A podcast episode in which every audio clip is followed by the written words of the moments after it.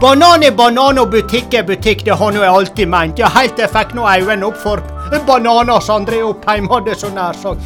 Nei, men altså inn på butikken der, du får så mye annet med på kjøpet. Det er så ryddig, og det er så flott, og det er så rent. Og der ser en jo at han er, han er godt opplært av mora. Ja, det er ikke mye hybelkaniner som flyter rundt omkring. Nei, jeg driver nå ikke dyrebutikk heller, bruker han å si. han er så artig, han André, veit du. Men han har så mange andre rasende kjekke folk som jobber der òg. Ja, både norske som svenske. Smørblide alt i hop. Eller smørgossa, som de, de sier på svensk, eller hva det heter. Ja, så er det voldsomt greit å parkere der òg, og det setter nå mange min pris på, for da veit han at han får bilen like hele heim igjen.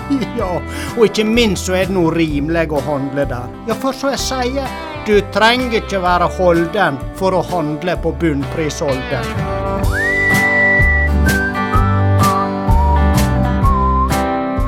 Bunnprisholden er stolt sponsor av Sport om på Radio Stryn.